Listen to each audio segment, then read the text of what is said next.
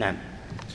بسم الله الرحمن الرحيم. الحمد لله رب العالمين والصلاة والسلام على المبعوث رحمة للعالمين نبينا ورسولنا وحبيبنا محمد وعلى آله وأصحابه أجمعين. قال المؤلف رحمه الله تعالى وكل ما عن رتبة الحسن قصر فهو الضعيف وهو اقساما كثر. الحمد لله رب العالمين. وصلى الله وسلم وبارك على نبينا محمد وعلى آله وأصحابه ومن تبعهم بإحسان إلى يوم الدين أما بعد. ذكر المصنف رحمه الله القسم الثالث من أقسام الحديث باعتبار باعتبار حكمه وهو الحديث الضعيف. وقال وكل ما عن رتبة الحسن قصر. ذكر هنا ما عن رتبة الحسن قصر ليدخل في ذلك الضعيف بأعلى مراتبه ويدخل في ذلك ما دونه.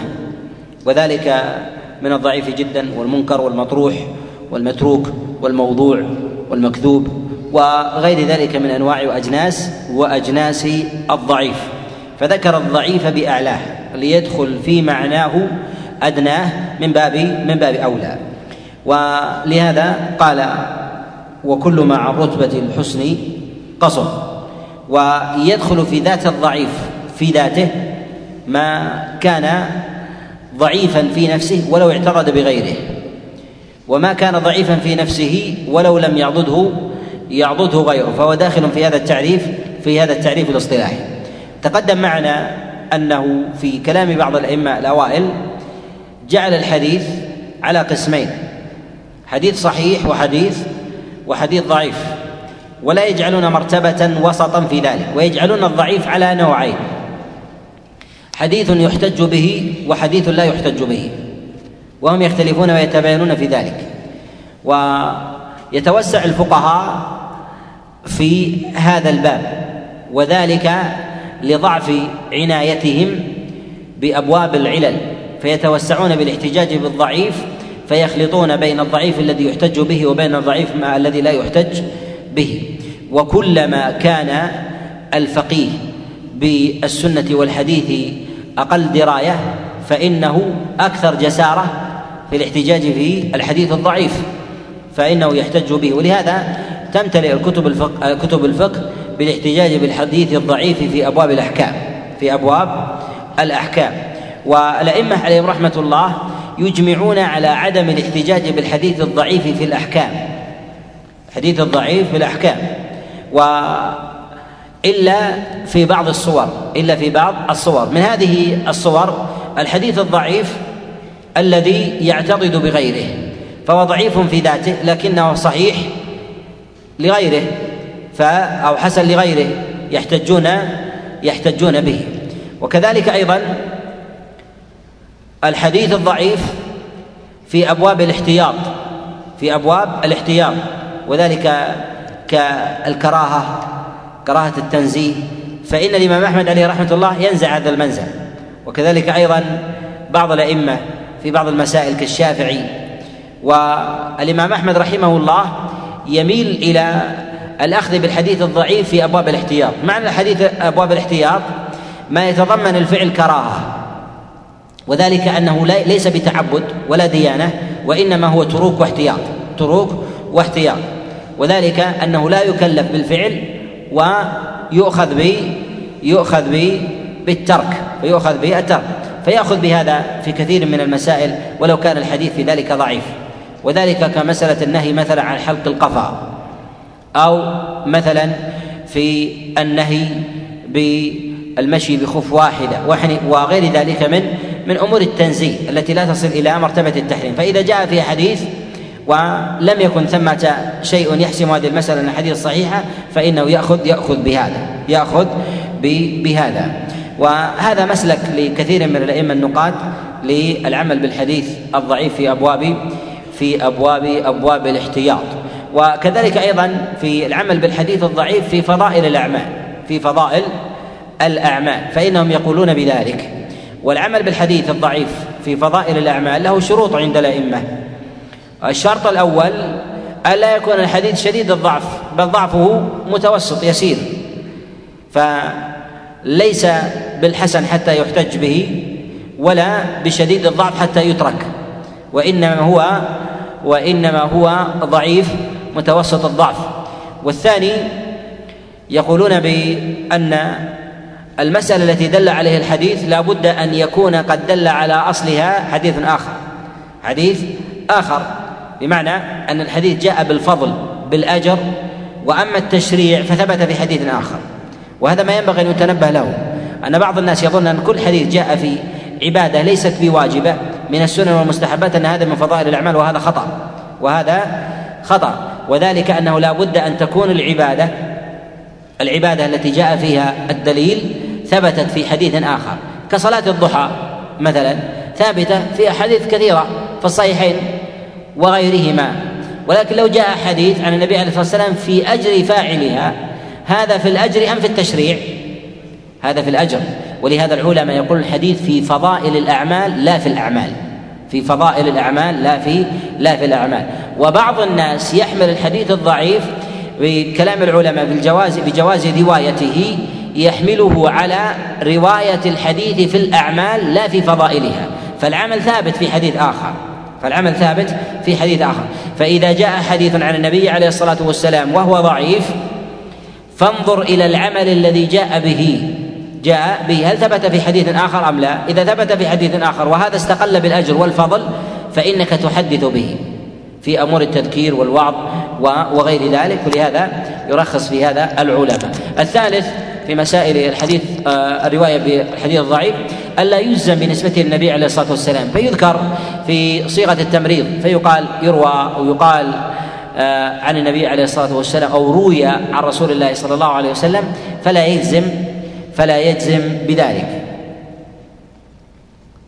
والأحاديث الضعيفة كما تقدم هي على مراتب منها ما يدنو من الحسن وهذا هو يكون من مواضع الخلاف.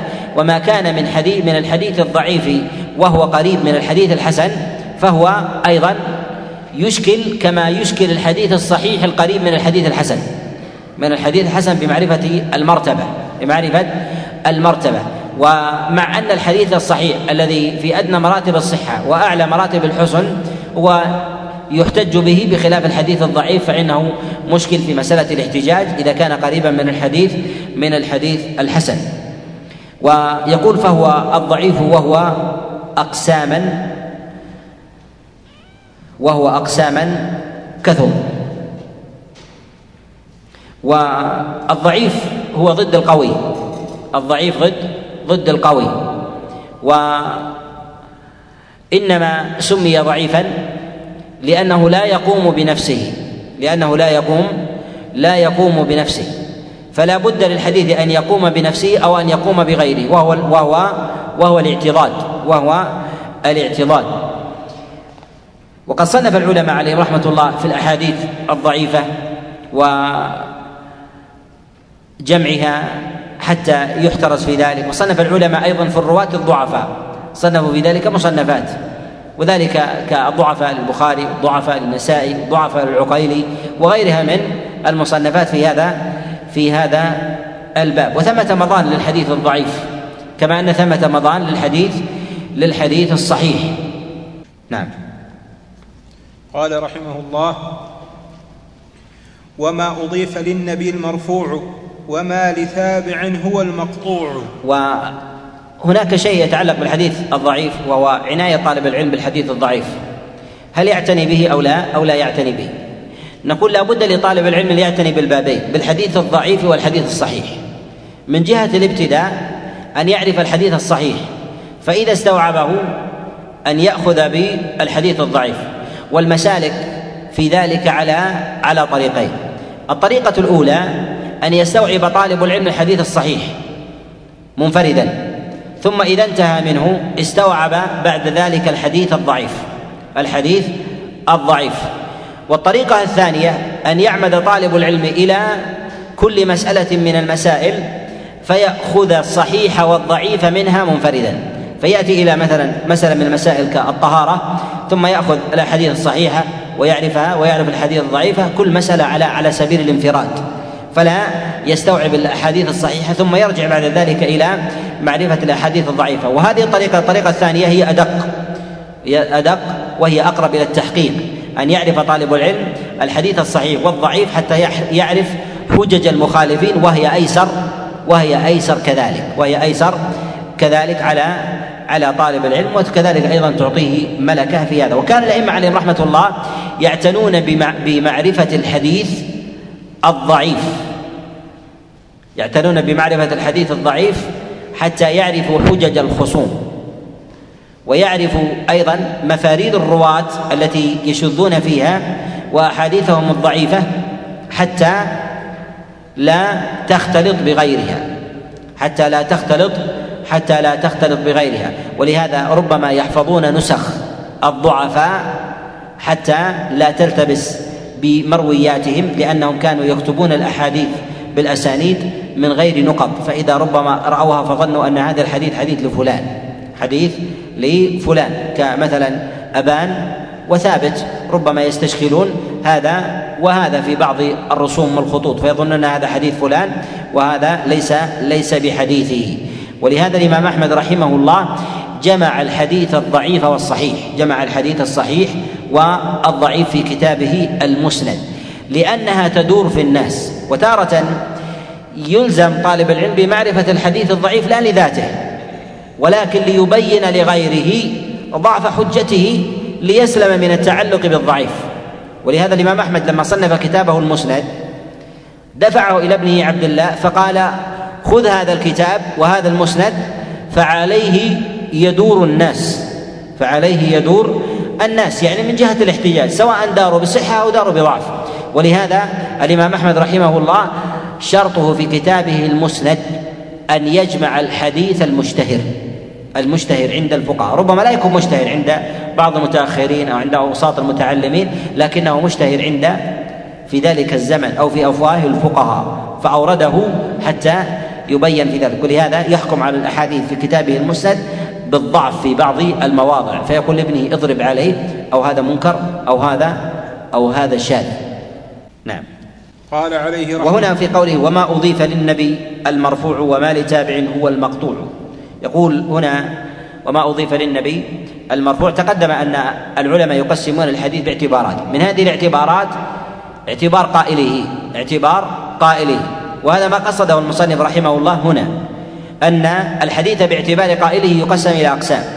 أول هذه الأقسام وأعلاها هو الحديث المرفوع هو الحديث المرفوع والحديث المرفوع على نوعين. حديث قدسي وحديث نبوي. حديث قدسي وحديث وحديث نبوي. وكلها وحي. وكلها وحي. واختلافها تنوع. والنبي صلى الله عليه وسلم كلامه وحي وما ينطق عن الهوى إن هو الا إلا وحي يوحى. والمرفوع يسمى والقدسي والنبوي كلها تسمى تسمى مرفوعة. وإنما سمي مرفوعة لعلو وشرف قائلها على من دونه. لأنه أعلى أعلى مواضع أعلى مواضع النزول. أعلى شيء ينزل منه القول في الدين هو الوحي هو الوحي. ولهذا كان الحديث الحديث الم... ال... ال... الذي ينسب للنبي عليه الصلاة والسلام فيما يرويه عن ربه مرفوعا. لأن من كان دونه فهو فهو نازل عنه نازل فكأنه رفع رفع الأمر الأمر إليه. ولهذا جاء كما عند الخطيب البغدادي عن أحمد بن زيد بن هارون قال إنما هي يعني الوحي. إنما إنما هي يعني الشريعة إنما هي صالح عن صالح وصالح عن تابع وتابع عن صاحب وصاحب عن رسول الله ورسول الله صلى الله عليه وسلم عن جبريل وجبريل عن الله وجبريل عن الله. ورسول الله صلى الله عليه وسلم لا ينسب أقواله إلى ربه لأن الأمر معلوم أنه ما ينطق عن الهوى. أنه ما ينطق عن عن الهوى فينسب الأمر إليه لأن الله عز وجل جعله مبلغا. فكل ما يقوله النبي عليه الصلاة والسلام الأصل فيه انه أنه وحي. ويقول هنا وما أضيف للنبي المرفوع صلى الله عليه وسلم. لم يذكر الصلاة على النبي عليه الصلاة والسلام لمقتضى النظم وهنا الصلاة على النبي عليه الصلاة والسلام هل تجب عند سماعه أم أم لا تجب؟ هل تجب عند سماع النبي عليه الصلاة والسلام أم أم لا تجب؟ نقول الصلاة على النبي عليه الصلاة والسلام على نوعين صلاة مكتوبة وصلاة ملفوظة أما بالنسبة للملفوظة فتجب مرة واحدة وتستحب فيما عدا ذلك فإذا كان الإنسان يستمع إلى خطبة أو يستمع إلى إلى قارئ يقرأ حديثا أو نحو ذلك فذكر النبي عليه الصلاة والسلام وجب عليه أن يصلي على النبي عليه الصلاة والسلام ولو ولو مرة إما في ابتدائه أو أو في انتهائه. وما عدا ذلك فهو فهو مستحب فهو مستحب. وأما بالنسبة للكتابة فتستحب ولا تجب فتستحب ولا تجب وإنما على ما تقدم. إن مرت عليه أنه يصلي ولو مرة واحدة ثم يمرها بعد بعد ذلك. ولهذا بعض السلف يغتفر في أمر الكتابة إذا مر على اسم النبي عليه الصلاة والسلام أن يصلي بلفظه ويختصر ذلك كتابة ولا يكتبها تدوينا باعتبار أنها موجودة لفظا أنها موجودة موجودة لفظا. وهذا قد ذكره غير واحد من الأئمة أشار إلى هذا الخطيب البغدادي وذكره أيضا ابن حجر رحمه الله في أوائل الفتح. ونقله عن الإمام أحمد عليه رحمة الله أنه ربما كتب اسم النبي ولم يكتبه ولم يكتب الصلاة مكتفيا بالصلاة لفظا. مكتفيا بالصلاة الصلاة لفظا. فهذا مما لا حرج مما لا حرج فيه. ويقول وما لتابع هو المقطوع.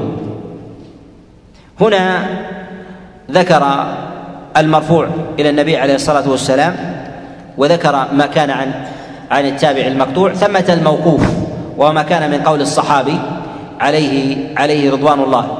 فما كان عن صحابي فهو فهو موقوف. وما كان عن تابعي وما دونه فهو فهو مقطوع فهو مقطوع والمراد بالتابعي هو من أدرك وسمع صحابيا وزيادة. أدرك صحابيا وزيادة. وأعلى التابعين منزلة من أدرك وسمع من الخلفاء الراشدين الأربعة. كقيس بن أبي حازم وأبي عثمان النهدي وأضرابه وكلما نقص التابعي إدراكا لأعلى الخلفاء الراشدين كان دون أولئك دون أولئك مرتبة. فيليه مرتبة من أدرك عمر ومن بعده ويليه مرتبة من أدرك وروى عن علي وما بعده ويليه من عثمان وما بعده ويليه مرتبة من أدرك وسمع عثمان ومن ومن بعده وهكذا. و ثم بعد ذلك من جهة المنازل أعظمهم منزلة في ذلك من جهة الرواية والدراية من جمع الرواية عن أهل الرواية والدراية من الصحابة فروى عن الفقهاء فروى عن الفقهاء وذلك كالعبادلة عبد الله بن عباس عبد الله بن عمر عبد الله بن عمر عبد الله بن مسعود فروى عن هؤلاء وجمع وجمع فقهه فهذا فهذا ربما يقدم على غيره ممن سبقه وقلت روايته. ممن سبقه وقلت وقلت روايته. يقدم على غيره. لماذا؟ من جهة الحياطة والاستيعاب لمسائل لمسائل الدين لا للفقه القائم في ذاته. لا للفقه القائم في ذاته. لماذا؟ لأنه كلما تقدم الراوي منزلة قل حديثه قل حديثه لماذا؟ لأنه يوجد من هو أعظم منه. لهذا تجد الطبقة الأولى من التابعين الذين أدركوا الخلفاء الراشدين الأربعة حديثهم قليل. لماذا؟ فكيف يحدثون الصحابة موجودين؟ صحابة موجودين فيتركونه لغيرهم. ولهذا توفوا وقد بقي بعض الصحابة. توفوا وقد بقي بعض بعض الصحابة فيحيلون الأمر الأمر إليه. ولهذا نجد أن الحديث عن أبي بكر الصديق قليل. الحديث عن أبي بكر الصديق قليل. لماذا؟ لأنه مضى جل عمره والنبي صلى الله عليه وسلم شاهد. والنبي عليه الصلاة والسلام شاهد مع أنه لديه حديث وأحوال عن النبي حتى في مكة. يعلم وأدرك النبي عليه الصلاة والسلام من أحواله حتى في مكة. لكنه ما مكن من جهة النقل عن رسول الله صلى الله عليه وسلم بعد ذلك إلا إلا زمنا يسيرا ونحو السنتين بعد وفاة رسول الله صلى الله عليه وسلم. وهكذا كما أنه في الصحابة كذلك أيضا في التابعين. ولا يعني عدم النقل وكثرة الحديث عنه هي عدم أو أو أن المكثر أفقه من المقل. لا. وإنما قد يتمكن المكثر من النقل زمنا ولا يتمكن المقل من الرواية الرواية زمنا. نعم. قال رحمه الله والأحاديث المرفوعة للنبي عليه الصلاة والسلام كثيرة ولها مظانها. وذلك كالكتب الستة ومسند الإمام أحمد ومسند الدارمي صحيح ابن خزيمة وابن حبان والمسانيد عموما. هذه مظان الحديث المرفوع. وأما بالنسبة للموقوف والمقطوع فلها مظانها أيضا. لها مظانها أيضا. الحديث الموقوفة والمقطوعة هي في كتب المصنفات كمصنف ابن أبي شيبة ومصنف عبد الرزاق شرح معاني الآثار للطحاوي كتب ابن المنذر موطأ الإمام مالك كتب البيهقي كمعرفة سنن الآثار. السنن الكبرى للبيهقي كتب التفسير تفسير ابن جرير تفسير عبد بن حميد تفسير ابن المنذر تفسير البغوي وغيرها من المصنفات التي تعتني بالرواية عن الصحابة وكذلك عن عن التابعين. نعم. قال رحمه الله والمسند المتصل الإسناد من راويه حتى المصطفى ولم يبن. وما وهنا يقول والمسند المتصل الإسناد من ذكر هنا حالا آخر لذكر أنواع الحديث وهو المسند وغير المسند. يعني ما يقابله في ذلك ما لم يكن له إسناد عن رسول الله صلى الله عليه وسلم وذلك كإما المعلقات أو المعضلات أو أو المنقطعات ونحوها مما لم يتصل إسنادها مما لم يتصل إسنادها. وهذا اصطلاح أغلبي في وصف المسند أنه ما اتصل إسناده. وقد يتجوزون في ذكر المسند وهو فيه انقطاع. ولهذا الإمام أحمد صنف كتابه المسند. كذلك البزار والدارمي وغيرهم صنفوا المسانيد وفيها منقطعات وهم يعلمون. منقطعات وهم وهم يعلمون لكنها ليست غالبة. لكنها ليست ليست غالبة. قال والمسند المتصل الإسناد من راويه حتى المصطفى ولم يبن. يعني لم ين لم يكن فيه فيه انقطاع. فيه انقطاع ولا قصر أيضا بالرواية إلى إلى من دونه. فهذا هو المسند. ولهذا مضان الأحاديث المرفوعة كتب المسانيد. كتب المسانيد. والموقوفة كتب المصنفات. كتب المصنفات مصنفات الآثار.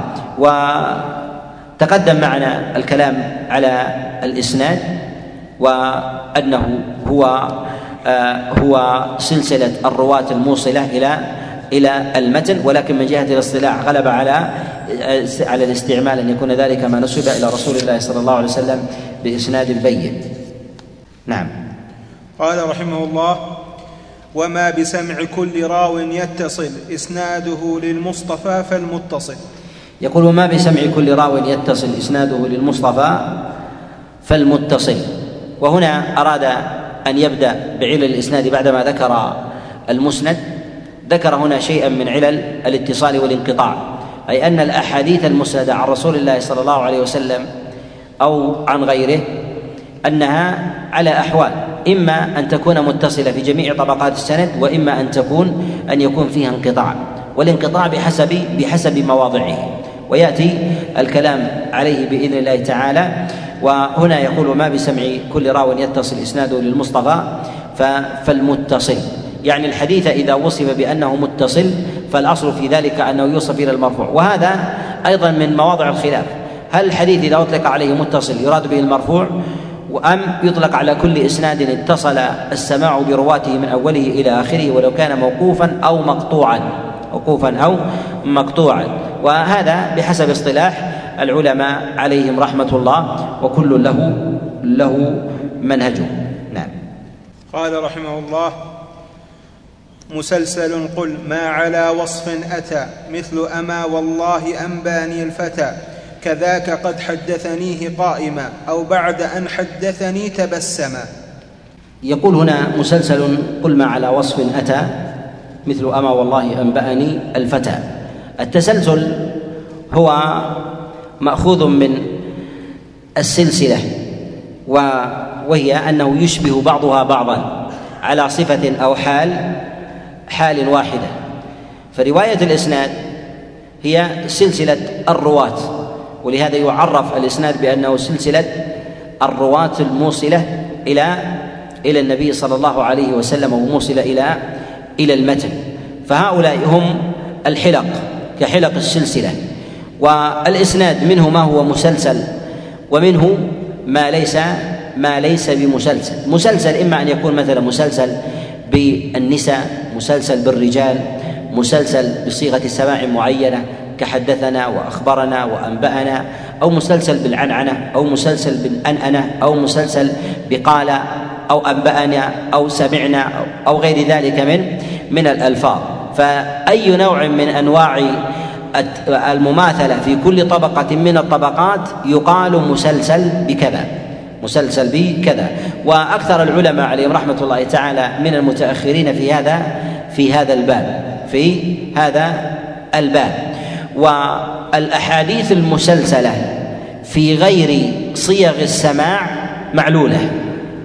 في غير صيغ السماع معلوله يوجد أحاديث مسلسلة بالعنعنة ويوجد أحاديث مسلسلة بصيغ السماع ولكن بغير صيغ السماع فالاحاديث في هذا معلعلة معلولة. وذلك كالأحاديث مثلا المسلسله بالمحمدين أو مسلسله بالأحمدين أو مسلسله مثلا بالفقهاء أو مسلسل مثلا بالمصافحة أو غير ذلك.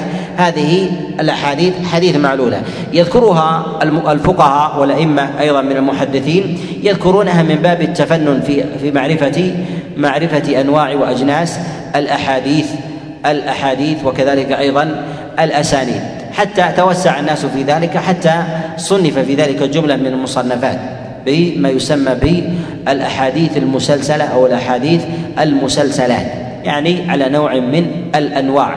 وهذا نوع من الترف الحديثي نوع من الترف الحديثي الذي لا أثر له في التطبيق. بعض من يتكلمون نظريا على قواعد الحديث يقول أن بعضه يفيد بمعرفة الحديث الصحيح بثبوت السماع بثبوت السماع. نقول هذه دعوة من جهة العمل من جهة العمل. نجد أن كثيرا من آه، من المسلسلات أن فيها أن فيها ضعف لا تصح أسانيدها وإثبات التسلسل فيها يحتاج إلى نظر. فلا بد من إعمال إعمال الحديث وصنعته في في ذلك. وأصح الأحاديث المسلسلة هو الراحمون يرحمهم الرحمن. ارحموا من في السماء يرحمكم من؟ من في الأرض. وهو وهو في السنن. و يقول كل ما على وصف أتى مثل أما والله أنبأني أنبأني الفتى. نعم. قال رحمه الله كذاك قد حدثنيه قائما أو بعد أن حدثني تبسما وطرائق العلماء عليهم رحمة الله في ذكر أوصاف الحديث المسلسل لا حد لهم في ذلك ولا حصر. منه ما هو مسلسل نسبي ومنه ما هو مسلسل مطلق. المسلسل النسبي أنه بالنسبة إلى طبقة معينة فالمسلسل من أوله إلى آخره هذا لا وجود له إلا في صيغ السماع لا وجود له إلا في صيغ السماع. وإن وجد ففيه ففيه دخل يعني أنه مدخول إما بكذب أو ورود جهالة فيه فيطعن فيه فيه في ذلك. وأما التسلسل النسبي فهو بالنسبة إلى طبقة معينة كي يقال أنه مسلسل بكذا من طبقة كذا فيوجد أحاديث كثيرة نسبية صحيحة إلى إلى أولها لا إلى إلى النبي صلى الله عليه وسلم. كالمسلسله بالحنابلة مثلا. أو مسلسله بالشافعية فالتسلسل الشافعية يكون صحيح في هذا الأئمة الشافعية يروون عن بعضهم. لكن هل الحديث هو صحيح للنبي عليه الصلاة والسلام؟ يصل بكامله هذا هذا لا يوجد شيء من ذلك إلا إلا في صيغ في صيغ السماع. وهنا في ذكري لهذه لهذه الأمثلة يقول أما والله مثل أما والله أنبأني الفتى كذاك قد حدثني قائمة أو بعد أن حدثني بعد أن حدثني تبسما وهذا يذكر فيه الصيغ أو الأنواع التي يوصف بها الحديث بالتسلسل. وهذا أيضا على ما تقدم الكلام الكلام عليه أنه لا ثمرة له من جهة الإعلان إلا ما يذكره بعض المحدثين أنه يفيد سماع بإثبات السماع وهذا أيضا مدخول على ما تقدم الكلام عليه. أوصل كثيرا من المتأخرين إلى المبالغة والتكلف والتكلف حتى إنه يقوم حتى يحدث ليثبت أنه قائم ليثبت أنه قائم أو يحدث وهو على المنبر فيقوم على المنبر في غير جمعة فيقول يحدث شخصا واحدا في هذا حتى يحدث أنه حدثني فيه وهو وهو على المنبر. أو يتكلف الابتسامة فيبتسم فيحدث بحديث لي وهو لا يريد الابتسامة حتى يدخل في ضمن هذه السلسلة. وهذا إن أثبت أنه حدث شخصا بالابتسامة وحدثه الشيخ ولا يدري من حدث هل كان مبتسما أو لا أو ليس بمبتسم. وهذا وهذا فيه ما فيه. وقد أجازني أحد الشيوخ أحد الشيوخ بجملة من الأحاديث المسلسلة بالابتسامة والقيام والقبض على اللحية وغير ذلك وما فعل شيئا من ذلك كله. وأخذت إجازته هذه و وأحرقتها. لماذا؟ لأنها كذب. لأنها كذب. لا ابتسم ولا وقف على منبر ولا صافحني ولا قال أحبك في الله ولا شيء من هذا.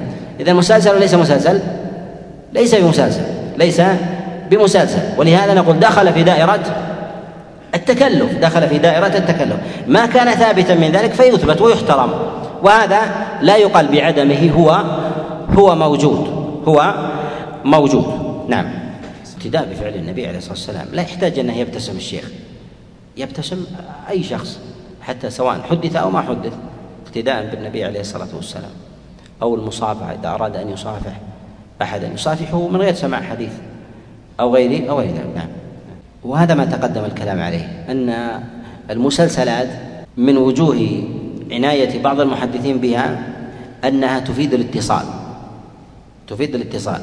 ولكن المسلسلات تعاني من جملة من العلل منها الجهالة وهذا كثير. تعرف الشيخ لكن شيخ الشيخ مجهول. أو ربما في طبقة معينة وهذا المعرفة فيه قليل.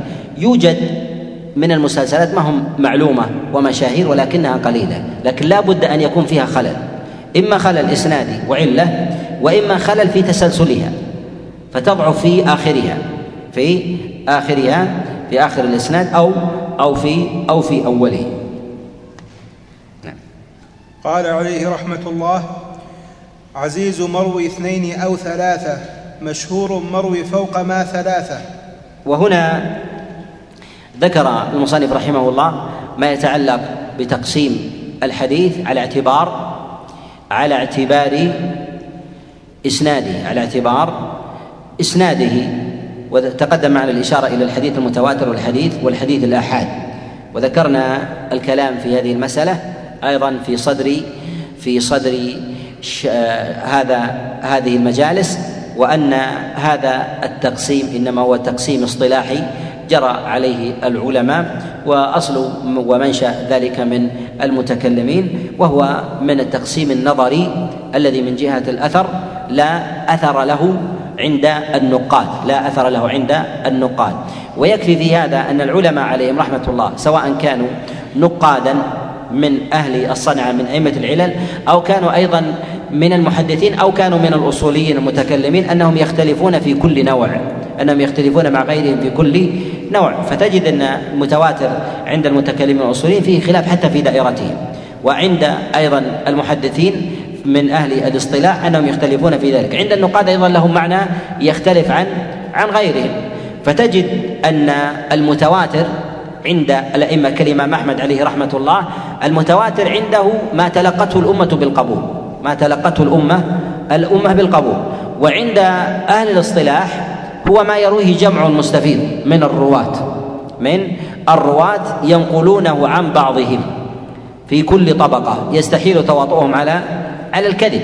وأيضا هذا العدد يتباينون ويختلفون ويختلفون فيه. على هذا في كلام الإمام أحمد رحمه الله أن المتواتر ما تلقته الأمة بالقبول معنى هذا أن كل ما في البخاري ومسلم متواتر لأن الأمة قد تلقته تلقته بالقبول. على هذا المعنى لا يدخل في دائرة المحدثين يتكلمون في قواعد المصطلح في هذا المعنى ولا أيضا في عند المتكلمين من أهل النظر والرأي من علماء الأصول. فذكر المصنف رحمه الله شيئا من آه، هذا التقسيم المتعلق بحديث بحديث الآحاد فيقول عزيز مروي اثنين أو ثلاثة. والحديث الآحاد على ما تقدم معنا يقسم إلى عدة أقسام. أولها المشهور ثم المستفيض ثم العزيز ثم ثم الغريب ثم الغريب. ويقول هنا عزيز مروي اثنين أو ثلاثة وإنما سمي عزيزا لعزة وجوده وندرتها عزة وجوده وندرته أن يكون يروي الراوي اثنين عن اثنين من أول السند إلى إلى منتهاه. أو هذا العزيز المطلق أو نسبي أن يوجد في طبقة واحدة فلا ينقص وإنما يزيد في بقية الطبقات أو في أو في بعضها فهو عزيز بالنسبة إلى إلى طبقة. وقد يكون عزيز من وجه ويكون غريب من وجه يعني من طبقة وغريب من طبقة ومشهور ومستفيض من طبقة من طبقة واحدة. وقد يكون الحديث الواحد نسبيا في جميع في جميع الطبقات يوجد فيه الوصف. فيقال إنه غريب من جهة الصحابي وعزيز من جهة التابعي ومشهور ومستفيض بالنسبة لأتباع التابعين ومتواتر بالنسبة لمن بعدهم فيرويه جمع غفير. ولهذا كلما تأخر اتسعت الرواية وكثر الناس. اتسعت الرواية وكثر وكثر الناس.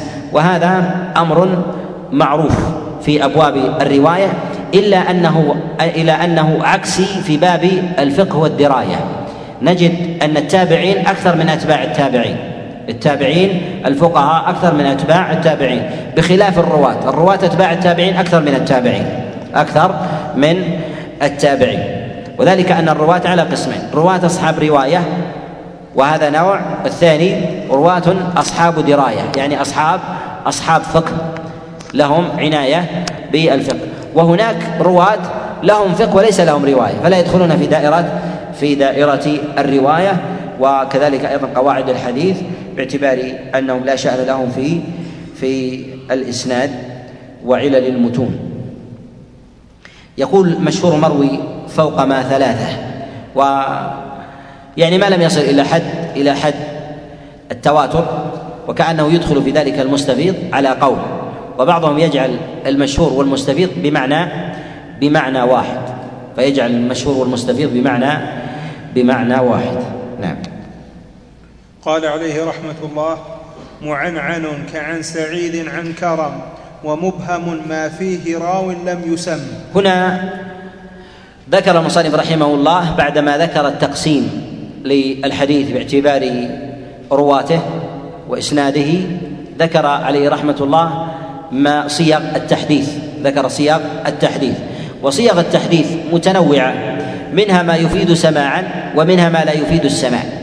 وما يفيد السماع متعددة أيضا وهي على مراتب وأنواع منها حدثنا وأخبرنا وأنبأنا وسمعنا فهذه تفيد تفيد السماع ومنها ما يفيد السماع بالقرينة من غير قطع كأن يقال خطب فينا خطب فينا فلان أو دخل علينا فلان ولا يفيد من ذلك القطع السماع فربما يريد أنه خطب في أهل البلدة التي يسكنها وهو لم يكن موجودا أو دخل عليهم في بلدة كذا ولم يكن فيه. وذلك كرواية الحسن البصري عن عبد الله بن عباس. الحسن البصري لم يسمع من عبد الله بن عباس.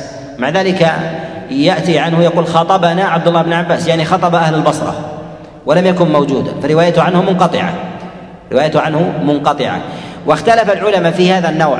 من صيغ السماع الذي يفيد من صيغ الرواية التي تفيد سماعا. أيها أقوى أيها أقوى. اختلف العلماء في ذلك على على قولين. منهم من قال إن صيغ السماع على مرتبة واحدة على مرتبة واحدة. وهذا قال به غير واحد من العلماء كسفيان وكذلك الحميدي وغيرهم. وغيرهم. انما يجعلون صيغ السماع بمعنى واحد وذلك انها تثبت سماع الراوي من شيخه وهذا وهذا كاف كاف في ذلك.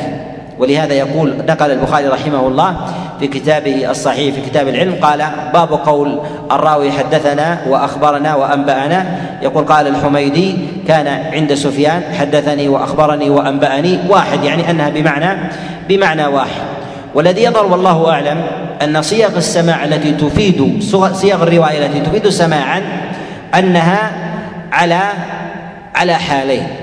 صيغ مفردة وصيغ جمع. وصيغ الإفراد أقوى.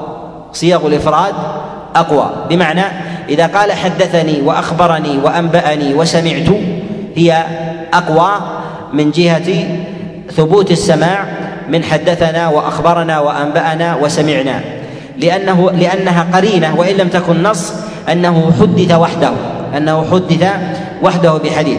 وتحديث الشيخ لواحد أرعى لسمعه وأحضر لقلبه ولذهنه من تحديثه مع جماعة مع جماعة. فهو يسمع وينتبه ويدرك. بخلاف تحديث الجماعة فإنهم ربما يغفل الإنسان لأنه ليس مقصودا بعينه. وهذا أمر فطري.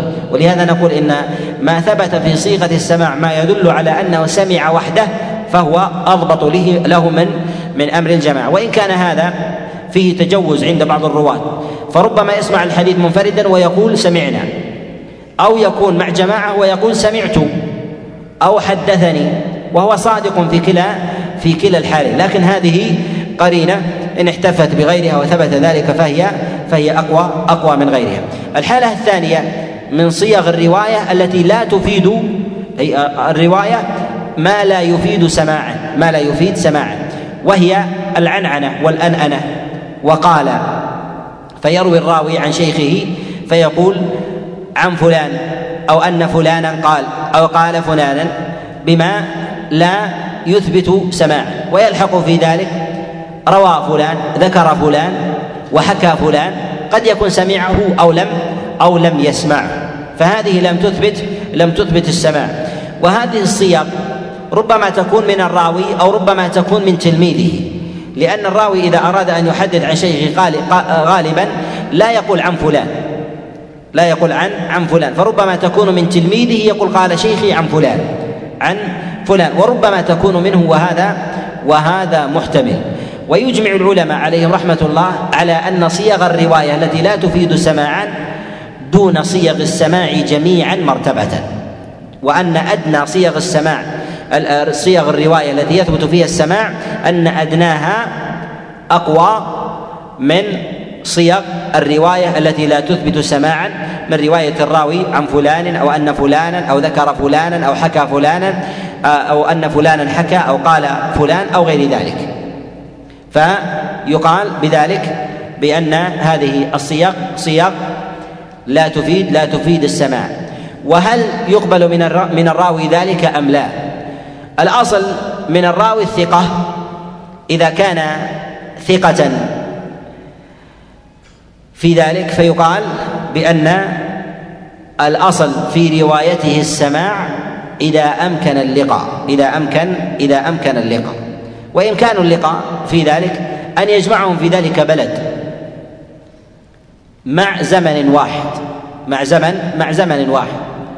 وذلك كان يكون مثلا في قطر كالعراق ويكون في الشام أو يكون في الحجاز أو نحو ذلك. ولا يوجد ما ينفي ذلك ما ما ينفيه. وذلك كنص الأئمة أن فلانا لم يسمع من فلان أو لم يره. أو لم يخرج من المدينة إلى مكة وهذا مدني وهذا مكي ولو كان في زمن واحد. وإن تباعد في القطر وكان في زمن واحد فحدث عنه فحدث مصري عن حجازي ولم يثبت أنه خرج خرج منه. فنقول إن وصف بالتدليس وصف بالتدليس ولو شيئا يسيرا فيرد قوله فيرد قوله. وإذا لم يوصف وكان ثقة في ذلك يقبل ما وافق الرواة ويرد ما تفرد به لأنه لا يحتمل تفرد الآفاق عن أهل بلد الراوي عن البلد الراوي. وهذا سواء كان ذلك في الموقوف أو كان أو كان في في المرفوع. نعم. قال عليه رحمة الله ومبهم ما فيه راو لم يسم. يقول هنا ومبهم ما فيه راو لم يسم وهو المجهول. الإسناد يوصف بالإبهام ويوصف بالجهالة يقال إسناد مجهول إسناد مجهول. وذلك إذا كان فيه راوي مجهول أو أكثر. فيوصف الإسناد بالجهالة ولو وجد فيه معروف ولو وجد فيه فيه معروف. ولكن يغلب استعمال ذلك على من فيه عدة مجاهيل. فيه عدة عدة مجاهيل فيقال إسناد إسناد مجهول. والإبهام هو ضد التسمية فيقال رجل. أو امرأة أو شيخ أو أبو فلان أو غير ذلك. والمبهمات على نوعين. مبهمات في الإسناد ومبهمات في المتن. مبهمات في الإسناد ومبهمات في المتن. ومبهمات الإسناد تكون في الرواة في الرواة. والإبهام في المتن يكون في الرجال وفي البلدان وغيرها في البلدان وغيرها. كأن يكون مثلا في الإسناد أن فلانا تبايع هو ورجل ونحو ذلك فيقال إن هذا الرجل مبهم. قد يأتي في رواية النص على اسمه. أو يقول الراوي أتيت إلى النبي عليه الصلاة والسلام وعنده وعنده رجل فيأتي في رواية ذكر هذا الرجل. هذا إبهام في المتن في الرجل. وقد يأتي إبهام في بلد أو بقعة. فيقال غزونا مع النبي عليه الصلاة والسلام وفعل كذا وكذا. ثم يذكر في رواية أن الغزوة غزوة تبوك. غزوة تبوك. فهذا حل للإبهام. وقد صنف العلماء عليهم رحمة الله في إبهام الإسناد وإبهام وإبهام المتن. جملة من المبهمات. جملة من المصنفات في أمور في المبهمات. ومنهم من يجمع في الإبهام سواء كان في الإسناد أو في الإسناد أو أو المتن. ويحل طالب العلم الإبهام في الإسناد والمتن بجمع الطرق بتتبع الحديث وجمع طرقه تحل لديه الإشكال في مسائل في مسائل الإبهام الإسنادية وكذلك المتنية. وأعظم هذه الأنواع هو الإبهام في الإسناد وذلك لأنه يتعلق به صحة الحديث وضعفه. أما الإبهام في المتن فيتعلق في بعضه حكم وبعضه لا قيمة له لا قيمة له وذلك لأن الحكم لا يتعلق به. وذلك أنه لا يحتاج إلى معرفة نوع الغزوة لتثبت حكما فقهيا لأن الحكم ربما يتعلق بالتيمم أو يتعلق بقصر الصلاة سواء كانت إلى تبوك أو إلى بدر أو غيرها من الغزوات فهي من جهة الأثر لا قيمة لها لا قيمة لها في الأثر الفقهي. ويأتي الكلام على الجهالة الإسنادية بإذن الله. نعم. قال عليه رحمة الله وكل ما قلت رجاله على وضده ذاك الذي قد نزل. ذكر هنا المصنف رحمه الله نوع علو الإسناد ونزوله وذلك بقصره وطوله وذلك أن الإسناد من جهة قصره وطوله على نوعين. النوع الأول الإسناد العالي الثاني الإسناد الإسناد النازل. الإسناد العالي هو ما قصر وقلت رجاله. والإسناد النازل ما كثرت رواته والكثرة والقلة والعلو والنزول هي نسبية بحسب الراوي الذي يروي يروي الحديث. فإذا كانت طبقته لا تحتمل عن النبي عليه الصلاة والسلام إلا ثلاثة من الرواة وهذا فالزيادة عن ذلك نزول بالنسبة له.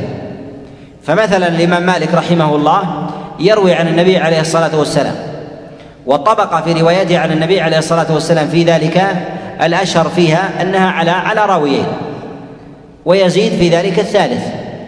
فالعلو في ذلك أنه لم يسمع أحدا من الصحابة فأعلى الأسانيد لديه أنه يروي عن اثنين عن النبي عليه الصلاة والسلام. هذا علو.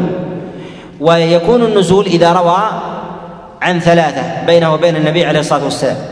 إما أن يروي عن تابعيين عن صحابي أو عن تابع تابعي عن تابعي عن صحابي عن رسول الله صلى الله عليه وسلم.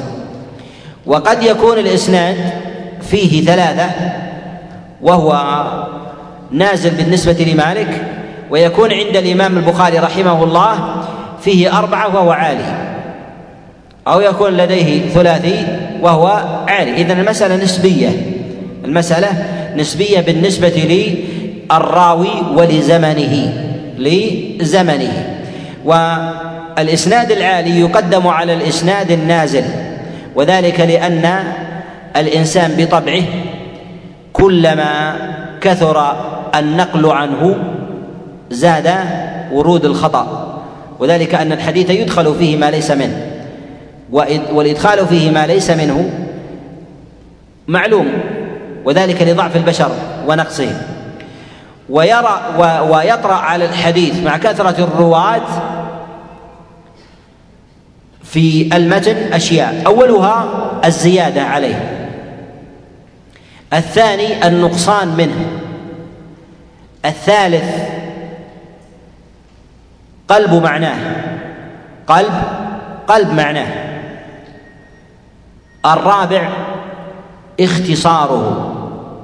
اختصاره فيختصر بنفس المعنى ولكن يريده دون دون ذلك على نحو أو بعض بعض ألفاظه. فهذه الأشياء التي تطرأ على الحديث توجد في الطبيعة البشرية. توجد في الطبيعة البشرية. فكلما زاد عدد الرواة زاد احتمال ذلك. فوجد فأخذ من كل راو من الرواة نسبة من ذلك فزاد الخلل في المتن المروي. خاصة في الأحاديث التي تنقل سماعا ولا تكتب في الصحف فلا تكتب ولا تكتب في في الصحف. ولهذا العلماء يقدمون الحديث النازل ولو كان رواته متوسطين. على الإسناد النازل على الإسناد النازل ولو كان الرواة ثقات فيحرصون على العلو يحرصون على العلو. فيقدمون الإسناد الذي يرويه ثلاثة. عن النبي عليه الصلاة والسلام على الإسناد الذي يرويه خمسة أو أربعة أو ستة أو نحو ذلك. وقد جاء في ذلك جملة من الأحاديث عن رسول الله صلى الله عليه وسلم نازلة نزولا شديدا وجاء في بعض الأحاديث في ذلك علو وهذا بحسب المصنفين. أعلى الأحاديث في ذلك عن النبي صلى الله عليه وسلم بالنسبة للمصنفين ما في موطأ الإمام مالك رحمه الله ما يرويه عن النبي عليه الصلاة والسلام وبينه وبينه وبين النبي عليه الصلاة والسلام اثنان. وثم بعد ذلك الثلاثية ويوجد عند البخاري رحمه الله أحاديث ثلاثية يرويها عن النبي عليه الصلاة والسلام وهي أعلى أعلى ما لديه أعلى ما لديه. ويوجد عند غيره كالترمذي رحمه الله فعنده ثلاثي واحد عن رسول الله صلى الله عليه وسلم وإسناده ضعيف وهو حديث وهو حديث القابض القابض على دينه كالقابض على الجمر وإسناده كذلك أيضا ضعيف. ويوجد في بعض الكتب أحاديث رباعية وهي وهي عالية وهي عالية بالنسبة للمصنف وهذا بحسب بحسب طبقة المصنف والزمن الذي بينه وبين رسول الله صلى الله عليه وسلم. نعم. قال عليه رحمة الله وما أضفته إلى الأصحاب من قول وفعل فهو موقوف زك يقول هنا وما أضفته إلى الأصحاب من قول وفعل فهو موقوف زك تقدم معنا الكلام إلى تقسيم الحديث باعتبار قائله.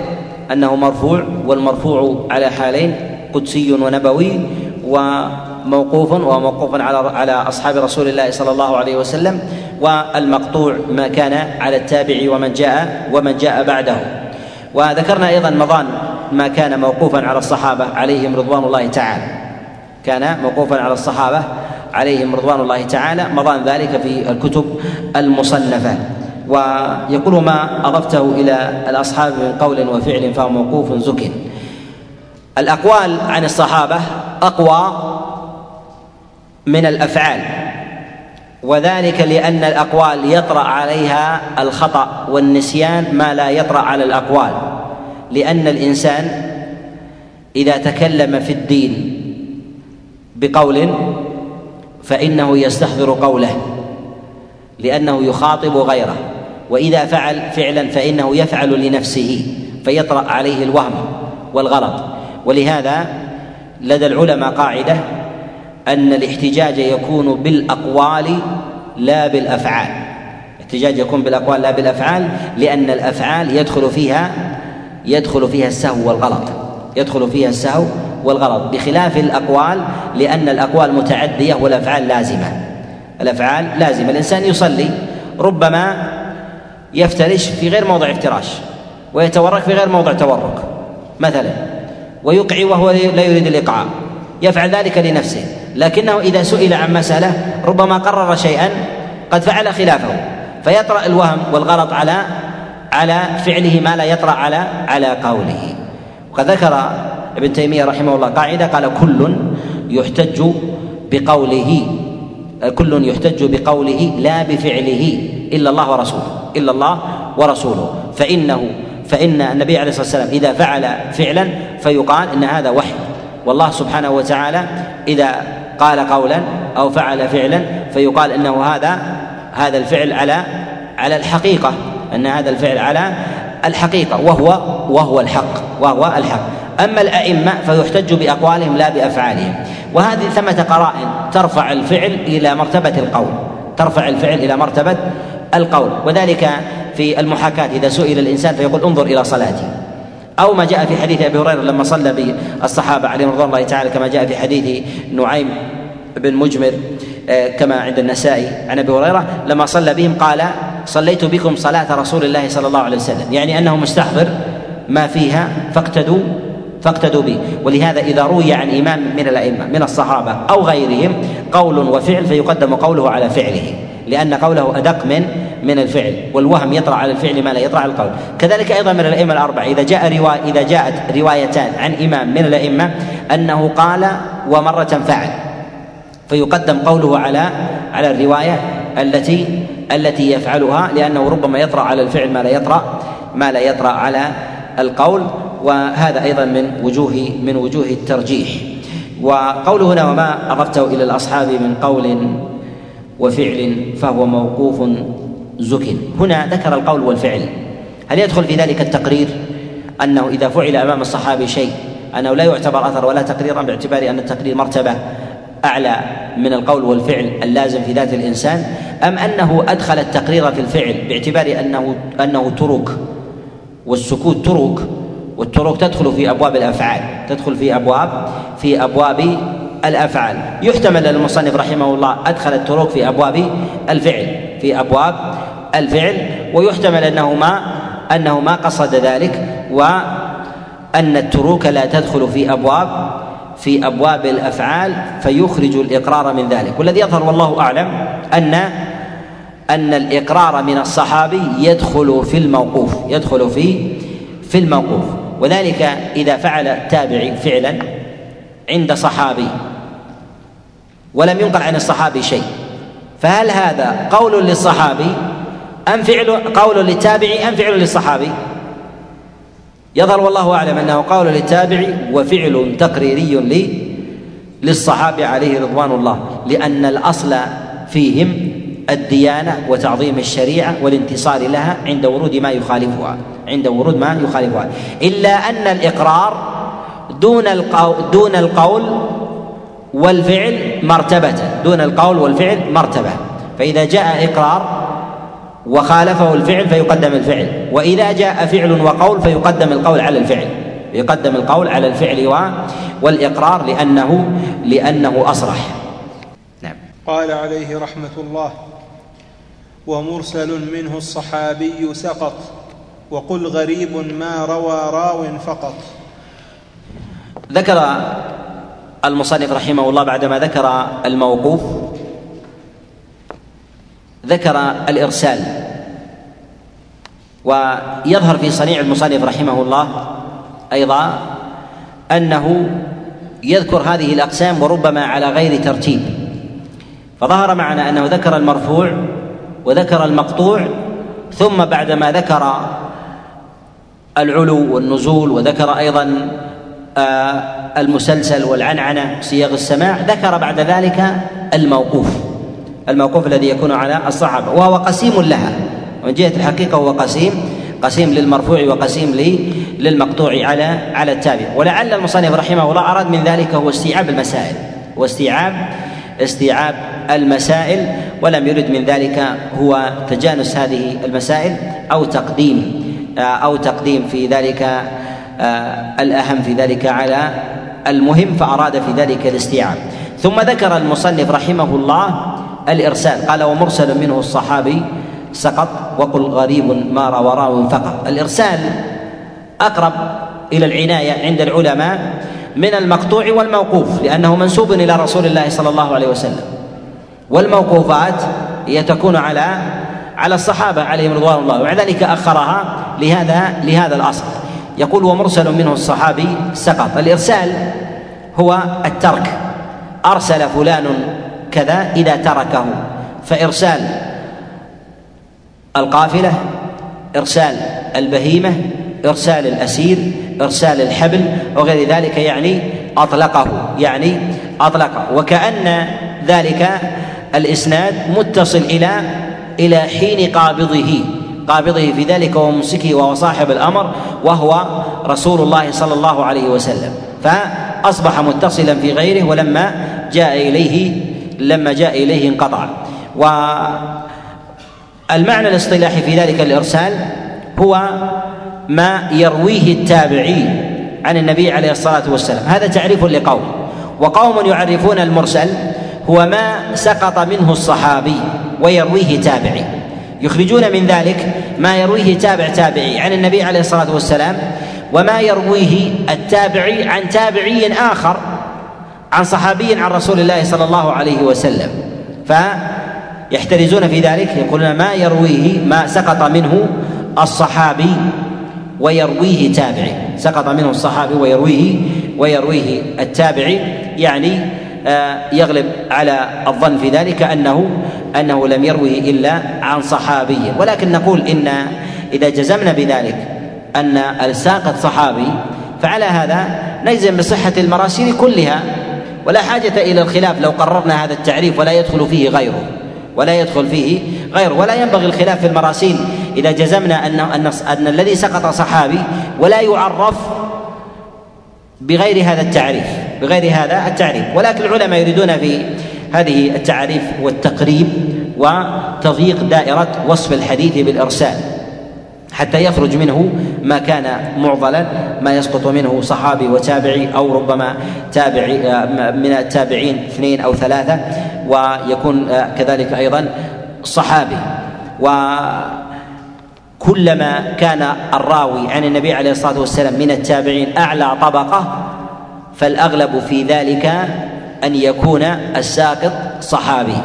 وإذا تأخر طبقة فان فإن ذلك يزيد من احتمال أن يكون الواسطة عن النبي عليه الصلاة والسلام أكثر من واحد صحابي وتابعي. وكيف نعرف ذلك؟ يعرف هذا بأمرين.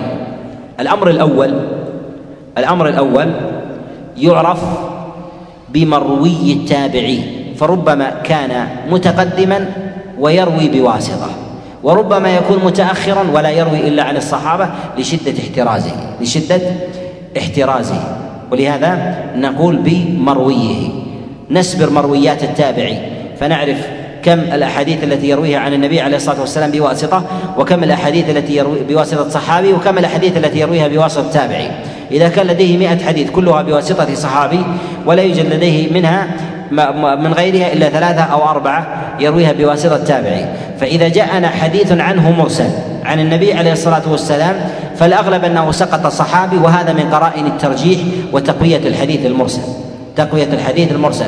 وإذا سبرنا مروية ووجدنا أنه يروي مئة حديث عن النبي عليه الصلاة والسلام ولكن خمسين أو ثلاثين أو عشرين منها بواسطة الصحابي والبقية بواسطة تابعي عن النبي عليه الصلاة والسلام. فهذا يغلب جانب التضعيف أن الواسطة أن الواسطة تابعي بينه وبين وبين الصحابي. حينئذ سقط من الراوي اثنان. وعلى هذا نقول بأن هذه من القرائن عند العلماء التي تعطيهم معرفة في معرفة المراسيل الصحيحة والمراسيل والمراسيل الضعيفة. ولهذا نجد في كلام بعض العلماء على بعض المراسيل مراسيل فلان صحيحة هذا ليس إطلاقا الكلام على عوائنه بل هو صبر صبر لمعرفة مرويات هذا الراوي وأنه لا يروي عن النبي عليه الصلاة والسلام إلا برواية الصحابي ولو وجد عن غيره فهو نزر يسير فيطلقون مراسيل فلان صحيحة أو مراسيل فلان أصح المراسيل أو نحو ذلك. وربما أطلقوا الصحة عليها لأنه إن روى عن غير صحابي روى عن تابعي ثقة فهو شديد الاحتراز حتى بالرواية عن التابعين. الثانية بالزمان. بالزمان فالتابعي من طبقة متقدمة يختلف عن الطبقة المتأخرة. الطبقة المتقدمة الذي يدرك الخلفاء الراشدين ونحو ذلك من هو التابع الذي يروي عنه؟ التابعون بحاجة إليه. التابعون بحاجة إليه. ولهذا كلما تقدم التابعي طبقة من الطبقات فإن هذا إشارة إلى ضعف احتمال روايته عن تابعي عن صحابي من الصحابة. ثم أيضا من القرائن التي ينبغي أن ينتبه إليها في هذا الباب أنه ينبغي كما العناية بمعرفة التابعين أن العناية كذلك أيضا بما يروي عنه الصحابي ما يروي عنه التابعي من الصحابة عادة. لا بد من لا بد من معرفته لا بد من من معرفته. وذلك أنه إذا عرف عادة أنه يروي يروي عن فلان ولا يخرج بالرواية عنه فيزيد هذا الاحتمال أنه لا يخرج عن هذا الراوي. وإذا كان يتنوع يأخذ من جماعة من الصحابة وغيرهم تارة بواسطة وتارة بغير بغير واسطة فهذا يزيد الاحتمال أنه ربما يروي عنه بواسطة وربما يروي عنه بغير بغير بغير واسطة. والمرسل صنف العلماء عليهم رحمة الله تعالى في ذلك مصنفات. من أشهر هذه المصنفات كتاب المراسيل لأبي داود وهو يلحق في بعض الروايات في يلحق في بعض الروايات في السنن وبعضها يفرد في هذا في بعض المصنفات الأخرى. وثمة كتب اعتنت في الرواة الذين يروون المراسيل. راوي يعتني بالرواية أو أو يرسل كثيرا وذلك كالمراسيل لابن أبي حاتم وغيره.